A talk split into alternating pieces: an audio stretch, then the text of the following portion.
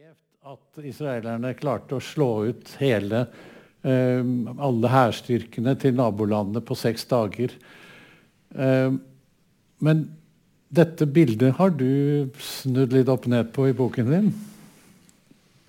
Vi har trodd, eller mange har trodd, at Israel til, måtte gå til en, en, angrepskrig mot Egypt i 67 fordi de trodde at Egypt og Syria skulle angripe Israel. Så det ble alltid sagt at vi hadde en forkjøpskrig. Vi ville bli angrepet. Og så, etter hvert som årene gikk, så kom det ut mer og mer rapporter som viste at det, det var ikke plan om å gå til angrep i Israel. Men de snakket veldig mye. da, Et veldig blodtørstig språk. Og israelske generaler hadde allerede fra 63 laget en plan for å ta mest mulig land. Slik at det, de skremte også sine egne. At det ble en, en, en, sånn, en frykt for at Israel skulle bli overkjørt av araberstatene. Men egentlig så var det Israel som hadde tenkt å ta disse landene. Allerede fra 48, da staten Israel ble etablert, så ble aldri grensene fastlagt. Juristene sa til statsminister Ben Gurion, Israels første statsminister, et nytt land må jo ha faste grenser. Det er vanlige. Nei, sa han. Disse grensene er ikke endelige. Men slike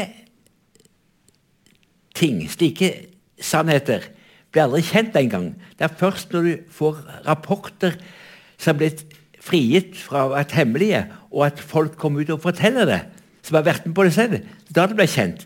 Så jeg fikk intervjuet med Yitzhak Rabin, som da var forsvarssjef i 1967, og han sa på TV vi visste at egypterne ikke skulle angripe oss. Vi, vi, vår etterretning viste at de hadde, ikke, de hadde forsvarsposisjoner. Men utad så het det at de skulle bli at de var frykt for å bli angrepet av de i krig. Så var dette da en krig som uh, det israelske militæret hadde planlagt for å uh, skaffe mer land til veie for Israel? Ja det er en del av sionistenes politikk. at Vi skal ha land. Mer land. Og i dag, for ikke lenge siden, så var, sto det en israelsk minister langt til høyresiden og holdt et foredrag i Paris om fremtiden.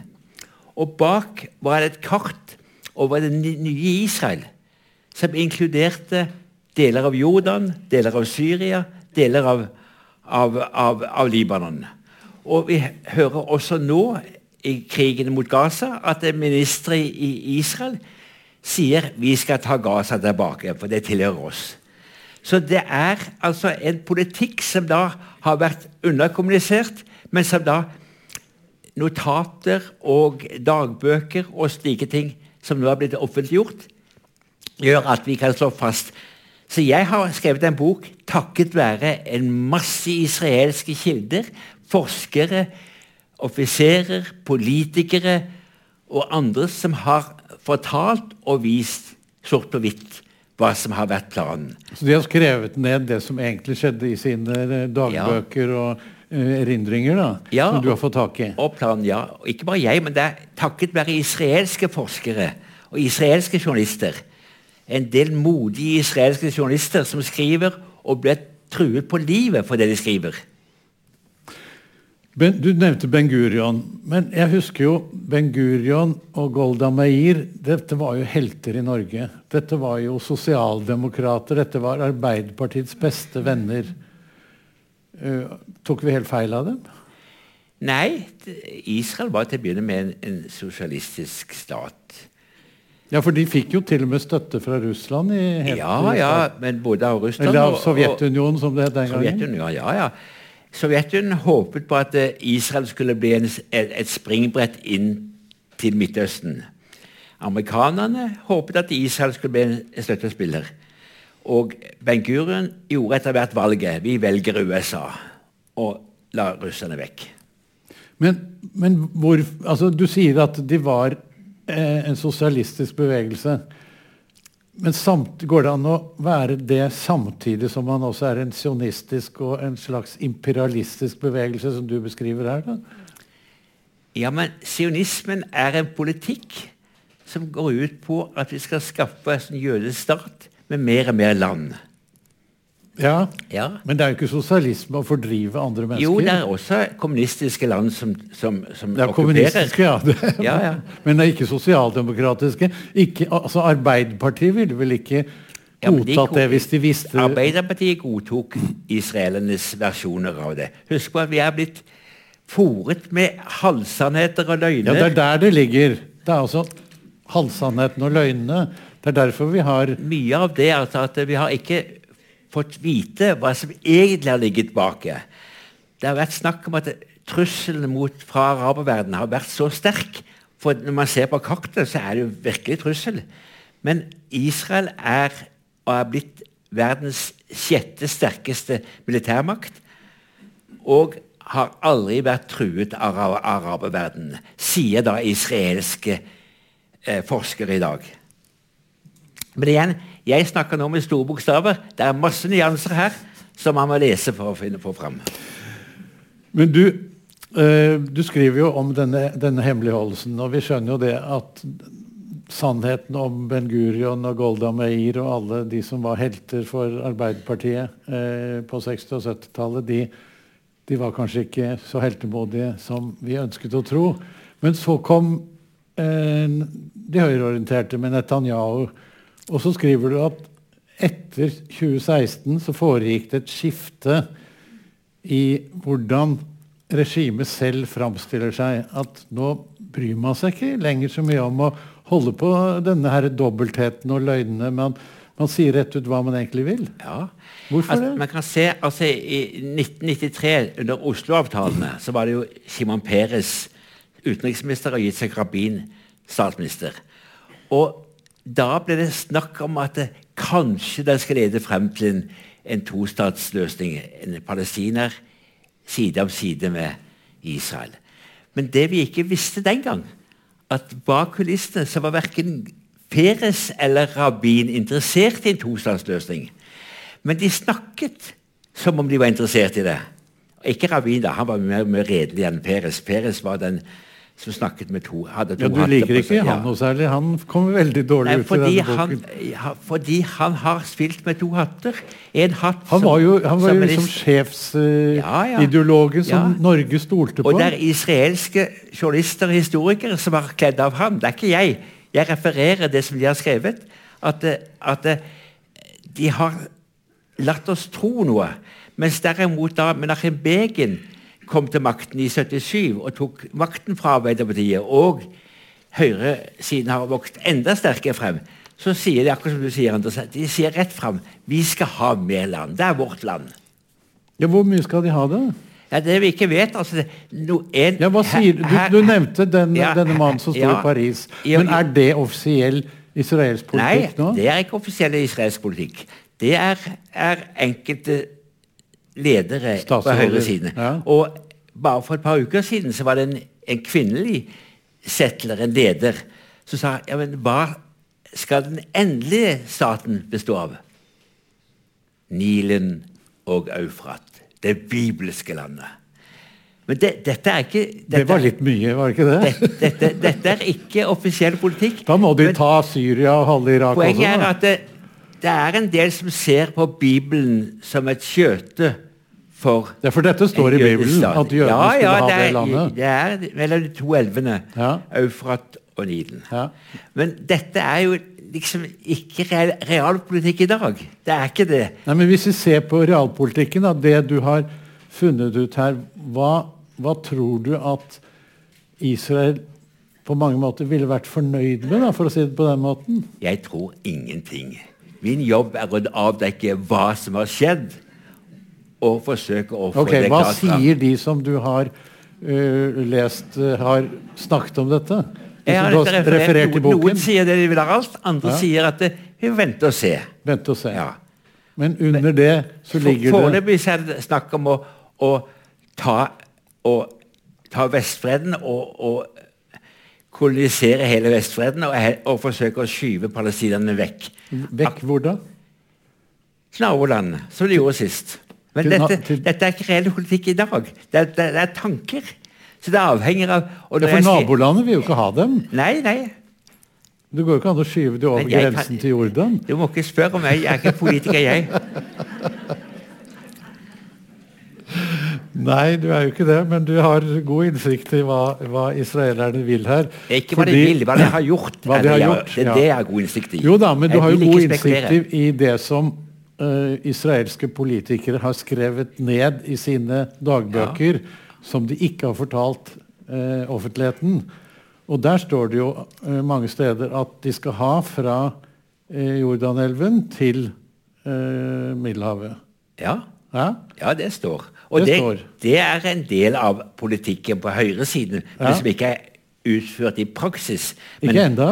Ikke enda, men det er stor frykt omkring at de skal annektere. Altså, og da blir det at det ikke lenger et, et spørsmålstegn om Israel er en apartheidstat. For da blir det kjent at ikke bare de som i dag er under okkupasjon, lever under et helt annet styresett enn israelerne og, og, de som er okkupanter. Da blir det slått fast at eh, en stat har en offisiell apartheidpolitikk. Ja, dette skriver du mye om. Eh, hvordan Amnesty og FNs eh, spesialrapportør for Midtøsten slår fast at det er en apartheidpolitikk i Israel. Hvordan beskriver de den apartheidpolitikken? Altså, det er en litt disputt. Noen sier at det er apartheidstat Israelerne har vært en apartheidstat helt fra 48. Og hvorfor det?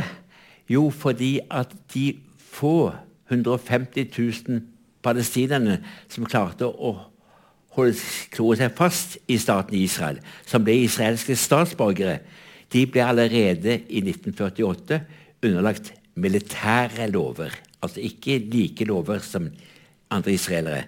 De fikk ikke lov å reise ut fra sine landsbyer uten å få skriftlig tillatelse.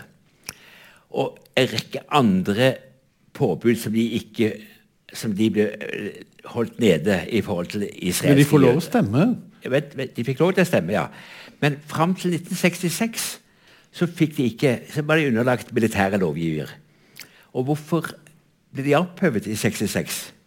Jo, fordi da var ødeleggelsene av de 500 palestinske landsbyene ferdige. Og da sa israelske ledere rett ut de interne flyktningene kan ikke komme tilbake til sine gamle hjem. Nå er disse lovene opphevd. Men fremdeles så var det fremdeles, eh, fra det ulike lov, lover for israelere, jødiske israelere og muslimske og kristne israelere. Men de kan stemme? De kan stemme. Men, men gjør de det? Ja, Ikke så mange som andre, andre men de stemmer. Det er, ja, er, palestinske partier, og de sitter i Knesset. Så det er et, et argument som Israel har hevdet, at det, Israel er den eneste demokratiske staten i hele Midtøsten. Men du beskriver at den ikke er det. Hvordan blir det begrunnet av de som ikke mener det? Nei, Det er fordi det er forskjellige lov, lover da er det ikke demokrati hvis det ikke er like rettigheter Nei, for alle. For det er fortsatt forskjellige lover for, forskjellige palestinere og israelere? En del palestinere får ikke lov å bosette seg hvor som helst i Israel. Det er rettsapparatet har vist. De får ikke lov å bo enkelte steder. For de som bor der, de skal ha jødiske innbyggere. Du, du snakker om okkupasjonen av Israel som okkupasjonsmakt. Men det som vi nå etter hvert ser på Vestbredden, hvor det nesten ikke er eh, Eller det er veldig små områder som palestinerne selv, styrer selv nå. Det går vel mer over til at de annekterer hele Vestbredden. Og det er jo noe helt annet. Det er det som man frykter. Hva er forskjellen? I, ja, hvis du annekterer, så blir det en del av landet ditt. Nå er det et okkupert område.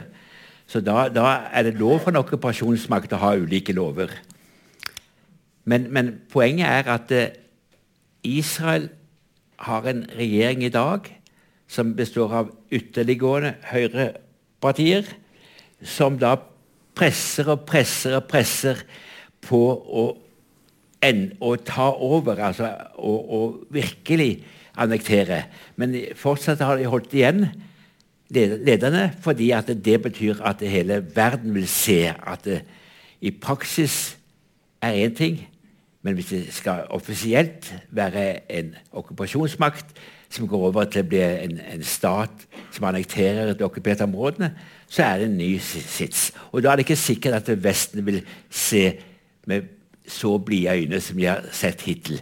For når jeg skriver 'Israels ran vår svik', så er det ikke bare vi i Norge. Det er Vesten som har latt dette skje år etter år. Det er jo 75 år siden Israel okkuperte masse arabisk land.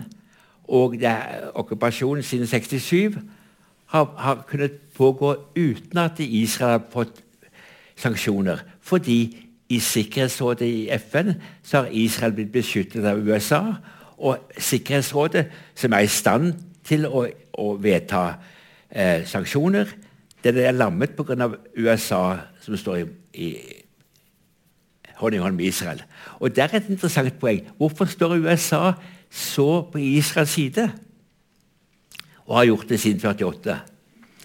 Jeg fant at det, i 48 var det en, en, en, gjeng med arabiske ambassadører som kom til den amerikanske presidenten og sa kan du ikke heller ha litt mer li likeverdig behandling av oss arabere og de israelske jødene?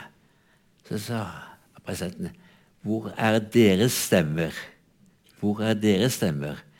Han visste godt at 30% av amerikanske velgere er såkalte evangelikere.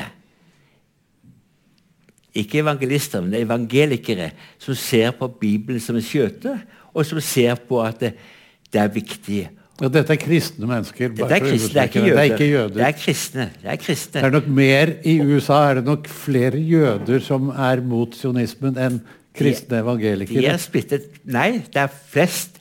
De fleste, 30% av ste, ste, amerikanske stemmeberettigede er evangelister. Evangelikere. Ja. evangelikere. Men det er det jeg sier, de er nok mer, enda mer for Israel de, ja, de er, enn mange jøder er, i, Israel, i USA. I dag finnes ja. det en splittelse i den jødiske befolkningen i Israel, i mm. USA. Du har Jewish Voice for Peace, som slåss aktivt for en tostatsløsning. Som vil Enkelte vil også ha en, en løsning der alle en enstatsløsning der alle har like rettigheter. Men ingen i Israels elite vil ha det. Det er ett veldig vanskelig spørsmål som uh, sikkert alle sammen lurer på. Altså, denne boken her beskriver i detalj om hvordan israelske soldater eh, mishandler, dreper, torturerer, fengsler eh, palestinere uten eh, lov og dom, og uten at de selv er truet. Du har mange, mange beskrivelser av det. Hvordan kan etterkommerne etter eh, et folk som ble, eh, ble drept i største, et av de største folkemordene i verden eh, i annen verdenskrig oppføre seg sann mot et annet folk? Hvordan kan de være så grusomme? Ja, Det er det store spørsmålet som alle spør seg. Hvordan kan det skje? Så Du må spørre en psykiater, en psykolog, om Du har ikke skjønt det? Jeg har ikke noe svar på dette. Men, for det er en, et, et umulig å si hvorfor for meg. Og det er ikke det jeg skriver om heller hvorfor de gjør det. Du, du, du, Nei, du har noen undringer av og til. du vil ha meg til å være filosof. Jeg er ingen filosof. Jeg er en hardt gravende journalist som forsøker å få frem ting som ikke har vært så godt kjent, og som gir en bakgrunn for det som skjer i dag. For det som skjer i dag, selv om det angrepet 7.10 kom, kom som lyd fra klar himmel, så er det fra 48 og fram til nå som gir et bakteppe. Men la oss ta en litt annen del av bakteppet. fordi eh, Da jeg vokste opp, så var det på 70-tallet så var det en ni-ti store terrorhendelser i Europa som palestinere sto bak. Og vi husker jo det her flykapringen som endte på Entebbe. Vi husker en flykapring som endte i uh, Somalias hovedstad Mogadishu. hvor Sohaila Andraves til og med ble eh, fengslet i Norge eh, etter, etter, dette. Eh, så, så, det var jo Vi opplevde jo at palestinerne var jo veldig voldelige. Men i denne boken din så skriver du detaljert om at israelere dreper og torturerer og mishandler palestinere. Men når det er motsatt, så beskriver du det nesten som en sånn politirapport. At uh, det kom en selvmordsbomber til den og den bussen eller den og den byen, og 38 mennesker ble drept. Punktum. Hvorfor denne forskjellsbehandlingen? Jeg har skrevet så mye om Jeg har skrevet snart 14 bøker om Midtøsten. Og i flere av mine tidlige bøker har jeg detaljert skrevet om palestinske kapringer, palestinske drap, palestinske kamikaze, som noen kaller selvmordsbombere. Mens vi kaller dem kamikazebombere. Det er ikke for å drepe seg selv, de gjør det, de gjør det for å, å vil ofre livet for en sak de tror på, akkurat som vi hadde òg i, før annen verdenskrig norske motstandsfolk som var villige til å ofre livet sitt for å drepe tyskere. Dette har jeg skrevet opp i detalj. Dette er en bok om Israels krigføring. Ikke om palestinerne og alt det dumme de har gjort. Det, for det har jeg skrevet om før. Men kanskje jeg skal skrive en ny bok for når det som har skjedd nå, forferdelig som skjedde i 7. oktober. Så det er ikke derfor jeg legger vekk det. Hvordan vil du beskrive det som skjedde 7. oktober? Det må fordømmes for det sterkeste drap på sivile. Uansett. Drap på sivile må fordømmes. Men det som har skjedd 7. oktober, er fremdeles en blodtåke. Det kommer stadig vekk nye elementer inn så vi vet veldig lite om egentlig alt som har skjedd. President Biden gikk ut og sa etter to-tre dager at disse forferdelige terroristene de har halshugget barn. Det måtte han trekke seg tilbake, trekke tilbake noen dager etterpå. For det er ingen som viste bildet, og det er ingen som har kunnet bevise det. Så stadig vekk er det påstander som vi ikke vet om er sanne. Kanskje de er sanne, vi har ikke sett bevis. Så det er blodtåke som jeg ikke toucher nå, bortsett fra drap på sivile må fordømmes, og de ansvarlige må straffes. Derfor er de krigsforbrytelsene som skjer nå, de bør, må etterforskes når tiden kommer. Men du vet jo veldig mye om en bevegelse som Hamas. Hvordan vil du beskrive den? Hvordan er det som en politisk bevegelse og en eh, krigsbevegelse? Det er interessant å se begynnelsen. Hamas ble, var en sånn solidaritetsbevegelse for, en, eh, for, for, de fattige i Gaza. Ble bygget opp fra de muslimske brorskap i Egypt, islamister. Men de, ikke, de kjempet ikke mot okkupasjonen. De, bygget, de laget helsestasjoner. De hjalp fattige palestinere på Gazastripen. Og den gang, under de første intifadaene, så så Israel på PLO som den store fienden. Og så håpet de at islamistene skulle være en motvekt mot PLO. Så de rett og slett hjalp islamistene, eller så gjennom fingrene på det de drev med. Og så etter hvert så vokste Hamas frem som en, en, et parti med en militær arm og en sosial arm og en politisk arm. Og så vant Hamas valget i 2005. Et valg som kom i lys av Oslo-avtalen og de palestinske selvstyremyndighetene. Og det ble kjent i verden som et redelig og ryddig valg. Jeg dekker selv dette. henne. Og da vant Hamas flertallet. Ikke fordi at palestinerne var så veldig islamistiske. De var lei av korrupsjonen til Arafat og hans folk. De var lei av Fatahs korrupsjon. Så de stemte på islamistene, Hamas, i håp om at de var mer redelige og ryddige. Var de det? Og så viser det Makt korrumperer. Makt korrumperer. Så Hamas utviklet seg. Først hadde Hamas et charter om at Israel skulle utrette, utryddes. Men etter valget så, så Hamas-ledelsen, som gikk inn i en samlingsregjering med fatta, at de ville respektere Oslo-avtalen og alle inngåtte avtaler, og ville gå inn for en 30 år lang våpenhvile. Men Israel og Vesten snudde ryggen til denne samlingsregjeringen. Og der må en si at Norge var et av de få landene som sa at vi vil gjerne være med og se om de får det til. Men Men den samlingsregjeringen du snakker om nå, den kom jo etter at Hamas hadde eh, med vold kastet ut uh, Fatah fra Gazastripen. Det er halve sannheten. Eh, Hele sannheten er at Det er vel sånn du beskriver det i bok? Nei, jeg beskriver det ikke sånn. Hele sannheten er at eh, USA likte ikke at Hamas ble sterkere og sterkere, og var sammen med Fatah planla et kupp for å få Hamas vekk. Og så gikk Hamas til motkupp. Det beskriver jeg. Så det var ikke et kupp for Hamas, det var et motkupp. Et og dette, dette er dokumentert. Om at Jo, men de ble jo, de ble jo altså Fatah Så- ble jo de facto jaget ut Ja, fra Gazastripen ja, med våpen. Men fordi planen var at Hamas skulle jages vekk. Okay. Og det var amerikanerne og israelerne som var med på.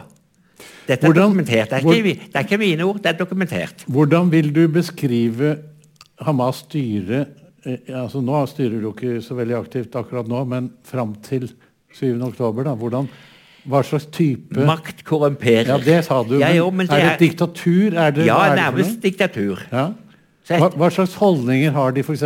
til kvinners rettigheter, til homofiles rettigheter? Masse sånne ting. Det er ikke, det er ikke et, et, et parti som, som eh, flertallet av palestinerne ønsker. Det viser meningsmålingene. Så de vil ikke stemme på dem i dag, tror du? Det, jeg tror ikke noen ting, jeg. Nei, men meningsmålingene sier ikke det. Nei, men det Jeg vet ikke om noen meningsmålinger som sier det i dag, men jeg har sett at eh, Hamas mistet en del makt. De mistet en del opinion fordi de styrte korrupt og veldig undertrykkende mot enhver opposisjon.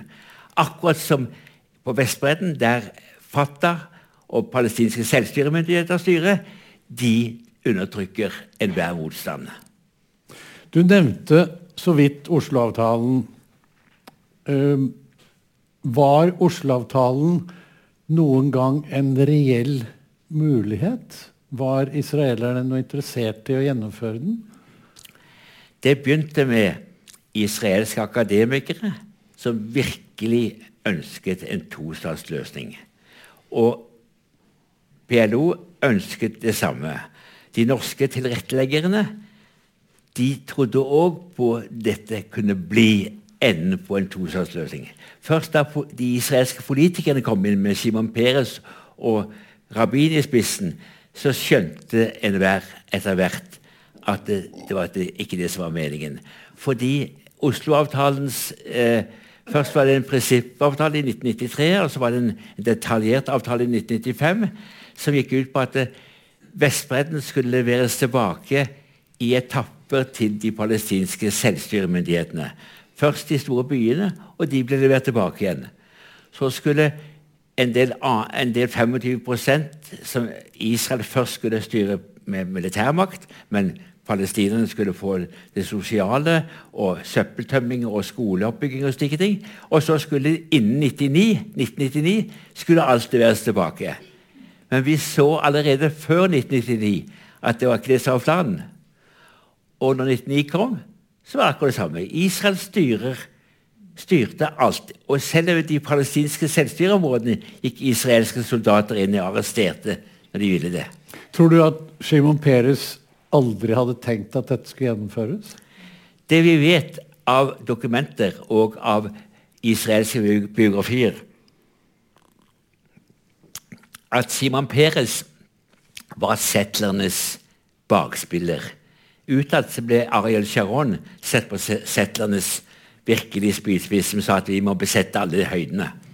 Men bak kulissene var Simon Peres den som fyrte opp og fyrte opp. Av og til gikk bak Yitzhak Rabins rygg. Han gikk bak ryggen Ja, til ja, Rabin. dette er dokumentert her òg. Gikk bak ryggen og, og var med og laget bosettinger. Så han var egentlig den verste? Det sier israelerne. Israelske som har jobbet med han. Jeg er en av de aller modigste israelske journalistene som jeg kjenner, som jeg også har, har fått mye hjelp av, som heter Gidon Levi i avisen Haaretz. Han jobbet med Simon Peres som ung mann. Han trodde på, på Simon Peres sine vyer. Akkurat som vi i Norge trodde på hans vyer. Og så fant han ut mye bløff. Fikk høre Altså, Simon Peres var jo den mannen som Norge elsket. Ja, ja, men vi alle elsker han, og han er veldig interessant å snakke med. Det er, han, han er en sjarmør, og, og Ja, er han død, da, men intellektuell fantastisk. Men det var bare sånn Første gang jeg fikk liksom Simon Peres, tenkte jeg Er han sånn? Da var det en som også hadde vært medarbeider for han. Eh, og så hadde bare Peres blitt utenriksminister, og så skulle han få besøk av en ny fransk ambassadør. Og så sa han til sin medarbeider gå ut og kjøp den siste boka om fransk politikk. Gikk han ut og fikk en helt ny bok som var kommet ut noen dager før. Og den- da den franske ambassadøren kom, så hadde Simon Peres boka der med et bokmerke midt inne i boka. Så sa han til den franske ambassadøren du har vel lest denne? Og der det, hadde han kontroll over den franske ambassadøren. Det var bare et eksempel som han fortalte meg. Dere må ikke tro på politikere på topplan. Og de andre er ikke bedre, sa han. Vi har jo en del norske politikere på Ja, toppland. jeg, jeg, sto, jeg, jeg har dette merket at det, makt og maktapparatet er ikke interessert i sannheten. De er bare interessert i det som passer dem. Løgn, halvsatt eller sant. Torbjørn Jagland var jo med i en kommisjon som skulle finne ut sannheten. Mit- Mitchell-kommisjonen. Eh, Gjorde han ikke noe god jobb der? Hele kommisjonen var bare en, eh, en flopp. Og det visste alle. Og det visste Jagland òg. Det vet jeg ikke. Hvorfor har Norge alltid støttet Israel? Tradisjonelt har vi alltid støttet Israel. Først var det sosia sosia sosialdemokratene. Det var jo De var jo sammen i internasjonalt. De, de støttet Israel var et, et land som man trodde på. Og det begynner nå å forandre seg litt, mest på grasrotplan. Fremdeles på toppen i partiene så er Israel et land du ikke vil sanksjonere. Eh, eh. Få lov å si det. Ikke sanksjonere. I dag vil ikke Norge engang merke varer som er produsert på okkupert område, fordi vi vil ikke sanksjonere. Så sier Støre og andre vi, vi driver ikke en sanksjonspolitikk. Men 2014, da Sovjet, Russland invaderte Krim, så innførte vi sanksjoner mot russerne. Senere har det vært mot Irak, mot Venezuela, mot Iran. Så det her er det to nivåer. Ja, altså det du beskriver her, er jo eh, rekken av norske utenrikspolitikere som kommer med kritikk av det Israel gjør, og så skjer det ikke noe mer. Jeg er veldig forsiktig. Er det det du betegner som vårt svik? Blant annet. Og der har jeg òg et, et utsagn in mente som jeg har tatt- med meg. Og det er Desmond Tutu som i sin tid sa i en kamp mellom en sterk part og en svart part Hvis du er nøytral da, har du tatt den sterke partens side. Og gang på gang har Norge i FN, når det har vært resolusjoner som har vært kritiske til Israel, har avholdt oss, oss fra å stemme. Og der har vi tatt den sterke partens side. Men vi har også gjort andre ting. Vi har jo gitt masse, masse penger, 14 milliarder eller noe sånt nå, til den eh, palestinske myndigheten. Men så beskriver du her at noen mener at det bare har støttet Israel. Hvordan kan det skje? Israel ønsker at vi skal gi penger til palestinske selvstyremyndighetene. Det gjør at eh, okkupasjonen blir gratis for dem.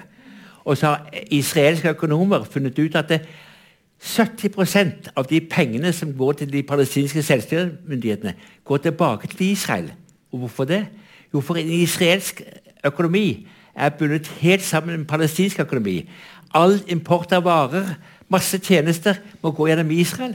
Så 70% av all den hjelpen går, filtreres tilbake til Israel. Så Israel har i alle år sagt ikke stopp, ikke stopp, gi palestinerne hjelp. Vi burde egentlig slutte med det. da. Det mener ikke jeg. Jeg er ikke politiker. Men eh, du skriver her at noe av årsaken til at eh, vi ønsker å gi så mye penger, er at vi ønsker å ha ledelsen i denne giverlandsgruppen, fordi det gir norske politikere inntak til å være en slags verdenspolitikere, hvor man kan spille sammen med de andre store. Ja, det har vært viktig for oss å fremstille oss, fremstille oss som en, en slags fredens frontfigur. Og vært leder av giverlandsgruppen, som da spiser kisse med de, med de store. Og det er viktig. Realpolitikk er også viktig. Jeg skjønner det. Og det, Jeg husker en gang en av norske utenriksministrene fortalte meg rett ut at når vi er interessert i å være med og spise kirsebær med de store, selv om vi ikke bokser i den divisjonen eh, som vi kanskje tilhører, så er det fordi at da kan jeg enhver gang jeg trenger støtte F.eks. da det var hvalfangstproblemer, at mange, hele verden, mange, store deler av verden var imot norsk hvalfangst, så kunne utenriksministeren ringe til USAs utenriksminister og sagt vi trenger hjelp. Så det er også en realistisk realpolitikk i dette. her, som man må ta, ha inn i mente. Oljefondet støtter jo også opp under eh, okkupasjonen med sine investeringer i mange bedrifter. Det har du skrevet om i boken. Det er ikke jeg som skriver det, det er, det er de som analyserer, som skriver dette. Jeg gjentar dette her, at de viser at oljefondet er med på å banke norske banker. Måte? Nei, vi investerer i selskaper som igjen investerer i, i okkupert område, som tjener penger på okkupasjon. Mm. Og så faller, kommer noe til oss. Så dette er en del av motstanden. Bl.a. Norsk Folkehjelp er veldig opptatt av å, å, analysere norske banker og norske bedrifter, eller oljefondets Så der er en, en del av kampen bak kulissene. Altså ikke på topplan, men altså norske menneskerettighetsorganisasjoner. Og så har du norske våpen. Norske våpen som produseres og selges til USA. Og der har ikke vi kontroll over hvor USA sender våpen, og de går til Israel. Nå er det bevist at en god del av de rakettene som har drept kvinner og barn i Gaza, er delprodusert i Norge. Men dette jeg har en, en, professor en, en, norsk professor i USA som har sett på dette. Han sa at før var det en liten glipp i en dør som gjorde at det norske våpen gikk til, via USA til Israel. Nå er døra vidt vid åpen. Tror du det kan bli noe fred i, mellom jeg tror ingenting. I, alle, I, alle, år har som korrespondent jo, vi må, vi må sittet, sittet, i Midtøsten og sagt at Tror du, tror du.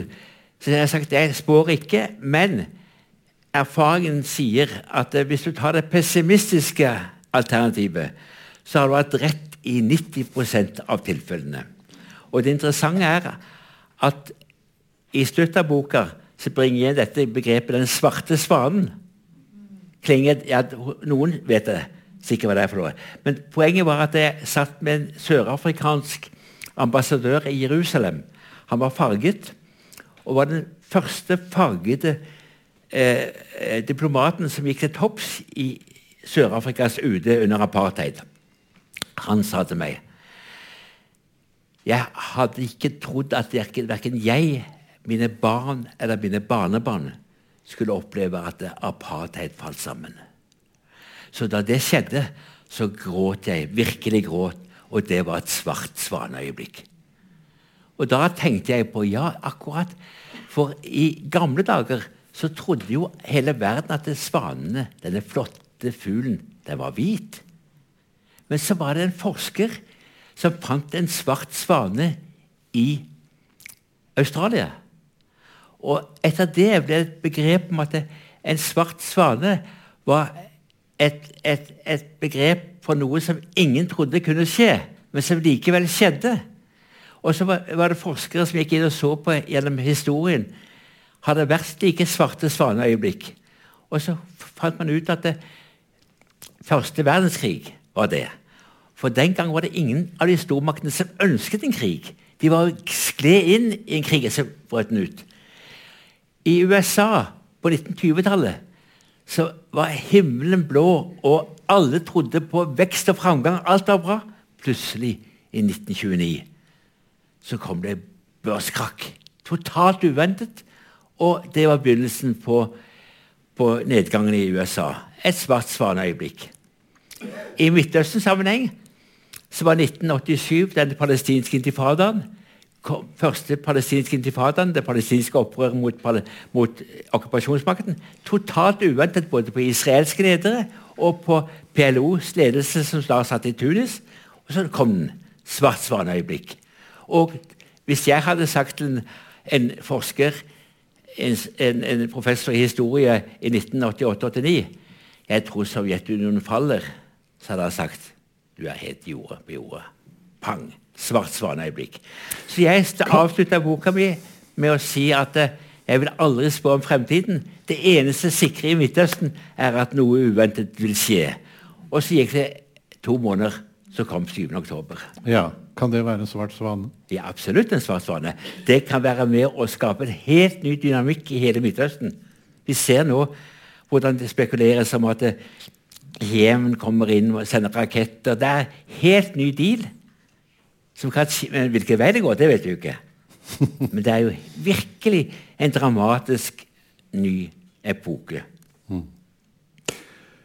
Takk skal du ha. Jeg tror vi eh, kan ta eh, noen få spørsmål. Hvis det er eh, noen i salen som har lyst til å stille Odd Karsten Tveit eh, noen spørsmål. Har vi en mikrofon her også?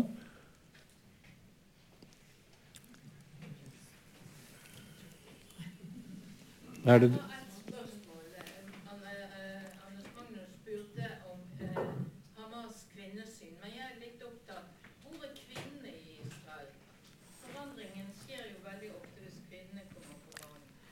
Jeg skriver en del om kvinnenes rolle i de palestinske intifadaene tidligere. Viktige roller.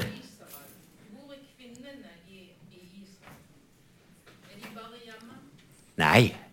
Veldig sterke israelske kvinnelige politikere helt fra staten Israels fødsel.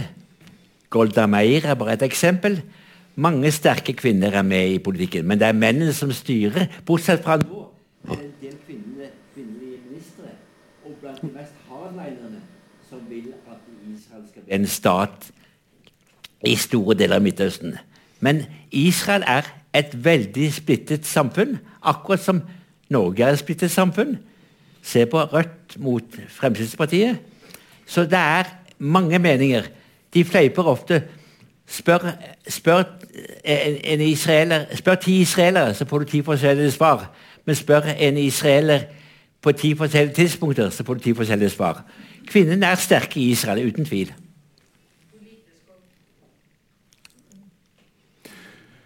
Det er jo eh, Alle kvinner må jo uh, være i militæret også. Stemmer ikke det? Jo, kvinner, kvinner er i militæret. Så det er ikke noe forskjell. Men, og et element nå eh, som viser litt at kvinnene likevel ikke blir hørt så ofte.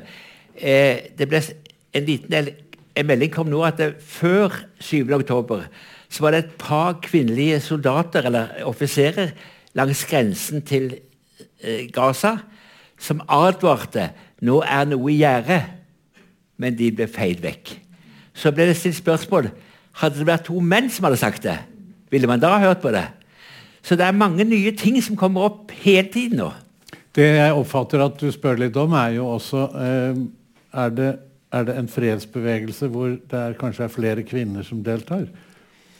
Det vet jeg ikke. Nei. Det er kvinner som deltar i fredsbevegelsene, og menn. Men jeg vet ikke, dette har jeg ikke undersøkt. Andre spørsmål? Der her først, og så der oppe.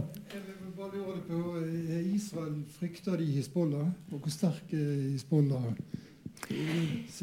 Kan de gjøre en trussel mot Hizbollah er da eh, Eh, den militære grenen av eh, en eh, islamistisk politisk parti i Libanon. som da Hizbollah er et politisk parti i Libanon som har vunnet valg og har en militær gren. Akkurat som Hamas. Og De er ganske sterke, og de har vist at det var de som klarte å presse Israel ut av Libanon. Israel okkuperte Libanon helt til 2000, og da ble de presset ut av Hizbollah-geriljaen.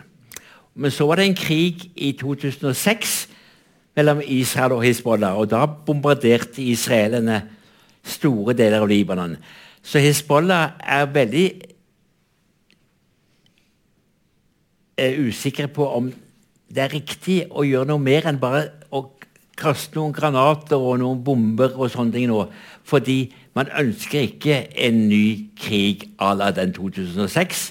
Men heller ikke den brant Israel. Men store deler av Libanon ble bomba sønder og sammen. Nå må man vel også si det at Hizbollah gjør vel mye det som Iran eh, bestemmer? Det er en myte. Hamas, nei, Hezbollah er et politisk parti som tar støtte fra Iran. Jeg husker godt da Hezbollah kom til makten og, ta, og måtte få støtte av Iran. Så trodde Iran at de kunne styre dem. Blant annet, de, de sa at vi skal nå innføre delte strender. En del av stranden for kvinner og en del for menn. Libaneserne sa nei, og Iran måtte gi seg. Så myten om at Iran styrer Hezbollah, er ikke riktig. Men de har innflytelse, for de får hjelp. Og Hizbollah er en, en, en, maktfaktor i Libanon og i den delen av regionen. Men det er ikke, det er ikke sikt, det, det, Israel frykter Hizbollah, og, og Hizbollah frykter Israel. Da var det en helt øverst der oppe.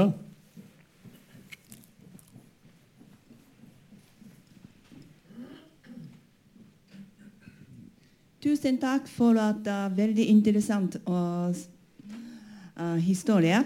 Eh, jeg vil gjerne spørre deg uh, hvordan det går med uh, Vestbretten.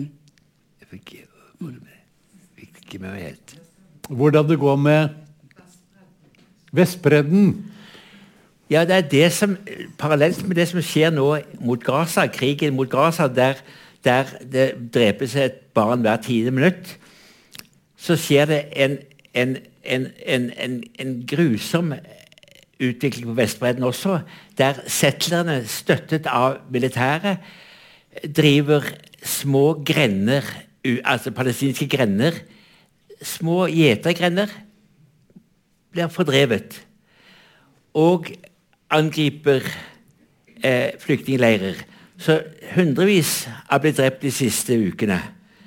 Så det er det som er, er frykten, at det under dekke av at hele verden er opptatt av Gaza, så skjer det ting på Vestbredden. Men det blir rapportert, så de som følger med, ser hva som skjer. Veldig, veldig press på Vestbreddens palestinere for tiden. Flere som vil Der er det en som vil stille spørsmål. Ja, det Vent litt, du kan få en mikrofon. Ja, men det er noen som sitter og hører på oss i et annet rom, så det er kanskje best å for ikke så lenge siden så slo jeg opp eh, den eh, palestinske flyktningleiren Burj al-Barajne utenfor Beirut.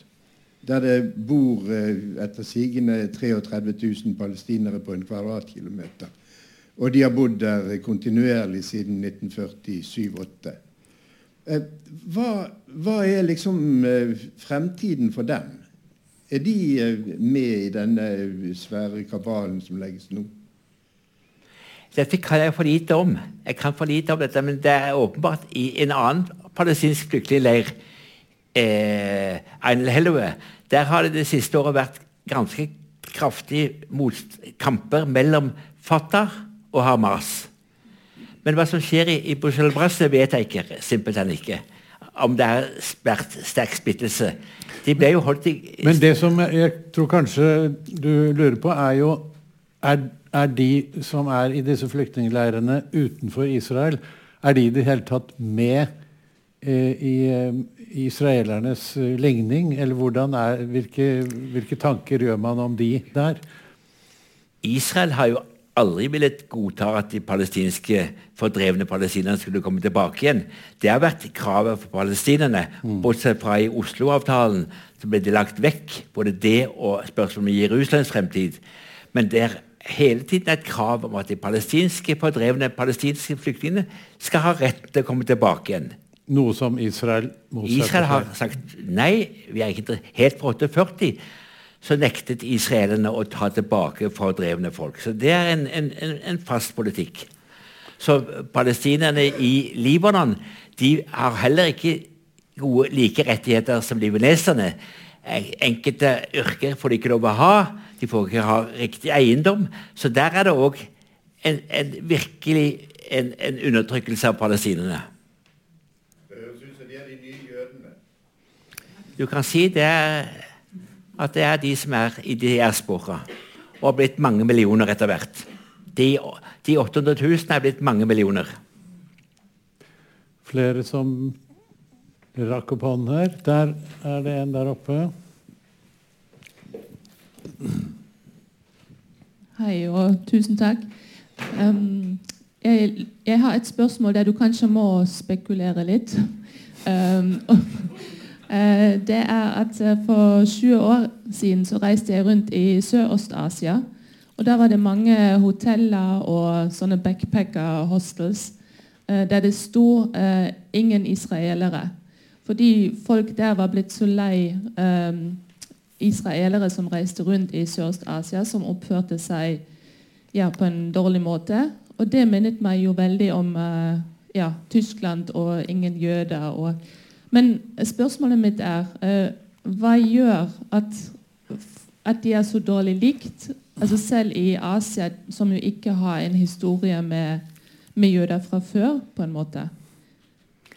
Jeg vet ikke, men det er veldig viktig å ikke være antisemittisk. Det finnes mye antisemittiske holdninger rundt omkring, og det er veldig viktig å ikke være det. Så jeg, jeg kan ikke svare deg. Beklager. Jeg kan svare litt på det, fordi Men, eh, Kan jeg bare jeg si um, Dette var ikke antisemittisk uh, Nei, det, jeg oppfattet det ikke sånn. Altså, Nei, det var israelere har På grunn av måten hvordan de oppførte seg. Som turister så har israelere hatt et dårlig rykte. Men det, eh, også her i Bergen Eh, men det dårlige ryktet er nå overgått av kineserne. Så har, eh, de, er ikke lenger på topp som de mest upopulære gjestene vi mottar i vårt land. Jeg tror Det har litt med, det er, det er noe av det det dreier seg om. Jeg tror ikke det har noe med at jøder ikke er velkomne, men det er israelere som turistgrupper Akkurat. som har vært uh, litt sånn arrogante. og uh, ja, ikke oppført seg sånn som man kanskje forventer at turister bør oppføre seg, men nå har kineserne overtatt den rollen. Flere spørsmål? Der. Du kan få en mikrofon her. Hallo. Virker den? Ja, det, jeg, jeg jeg tenker sånn noe med antallet av døde er ikke nødvendigvis så viktig, men uh, hver gang det kommer nyheter fra Israel, så, så blir det fortalt hvor mange jøder der er drept, og, og det for store overskrifter hvis det er selvmordsbomber. Men uh, kan du uh, si noe om Finnes det et enkelt år i de siste 75 år hvor det har vært drept flere jøder enn palestinere? Jeg fikk ikke helt Det tror jeg ikke. Om det var Om det var Å uh, oh ja, du fikk ikke med uh, Om det har vært noen år uh, i den senere tid hvor det har blitt drept flere israelere enn palestinere? Jeg vet ikke. Jeg tror ikke det, men jeg vet ikke. Jeg tror heller ikke det. Men dette her med, med hvor mange som blir drept og ikke drept, det er jo Eh, kan jo være interessant fordi um, nå snakker vi om disse 11 000 som, eh, eller 12-13 som er drept i Gaza. Da Mosul Da uh, irakerne og, og, de vestlige jaget ut IS fra Mosul, så ble det jo drept like mange sivile. Men det var jo ikke så mye snakk om de sivile den gangen. Så det er, altså, konfliktens bakteppe har vel veldig mye å si her. Ja sånn apropos bakteppet her I hele annen verdenskrig ble det drept rundt 5000 nordmenn. Og det er visstnok rundt, rundt tall. Og inklusive nordmenn som døde på østfronten. 5000 ca. I fem år. Og nå på Gaza 44 dager, 43 dager. Altså 5000 barn, 4000 er savnet. Det er jo litt perspektiv. Vi har tid til ett spørsmål til, hvis det er noen som brenner inne med noe. Der er en som vil stille spørsmål der. Ja, etter murens fall i 1989 Eh, så åpna det vel opp for en del utvandring fra gamle Øst-Europa, Russland osv. til Israel av jøder. Kan du si noe om hvordan det har påvirka Israel og Israels politikk? Ja, eh, ca. én million russere kom til Israel. Regnet, regnet med at 20% av disse var kristne. Det var ikke helt som hadde jødisk mor eller slike ting. Og mange av disse ble settlere. Beinharde settlere. Og har nok vært med og ført Israel i en høyere retning. Jeg møtte Israels statsminister Yitzhak Sharbir, ikke Rabin, da han var gått av som statsminister. Og så spurte jeg han hva vil du helst bli husket for. Så sa han det var jeg som fikk i stand den avtalen med Sovjet om å få en million ut. Men, sa han, hvis ikke vi får to tredjedeler av verdens jøder til Israel, så har jeg ikke tro på Israels fremtidige som stat, frem, fremtid som stat.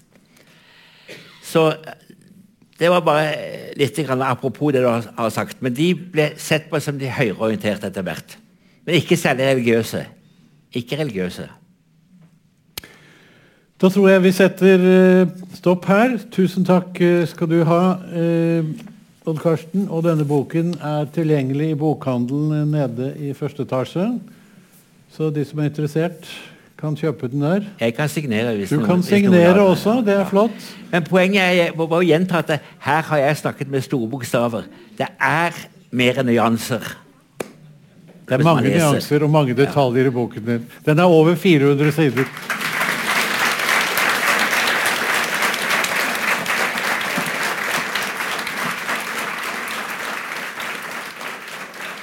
Tusen takk for et godt publikum. Tusen takk.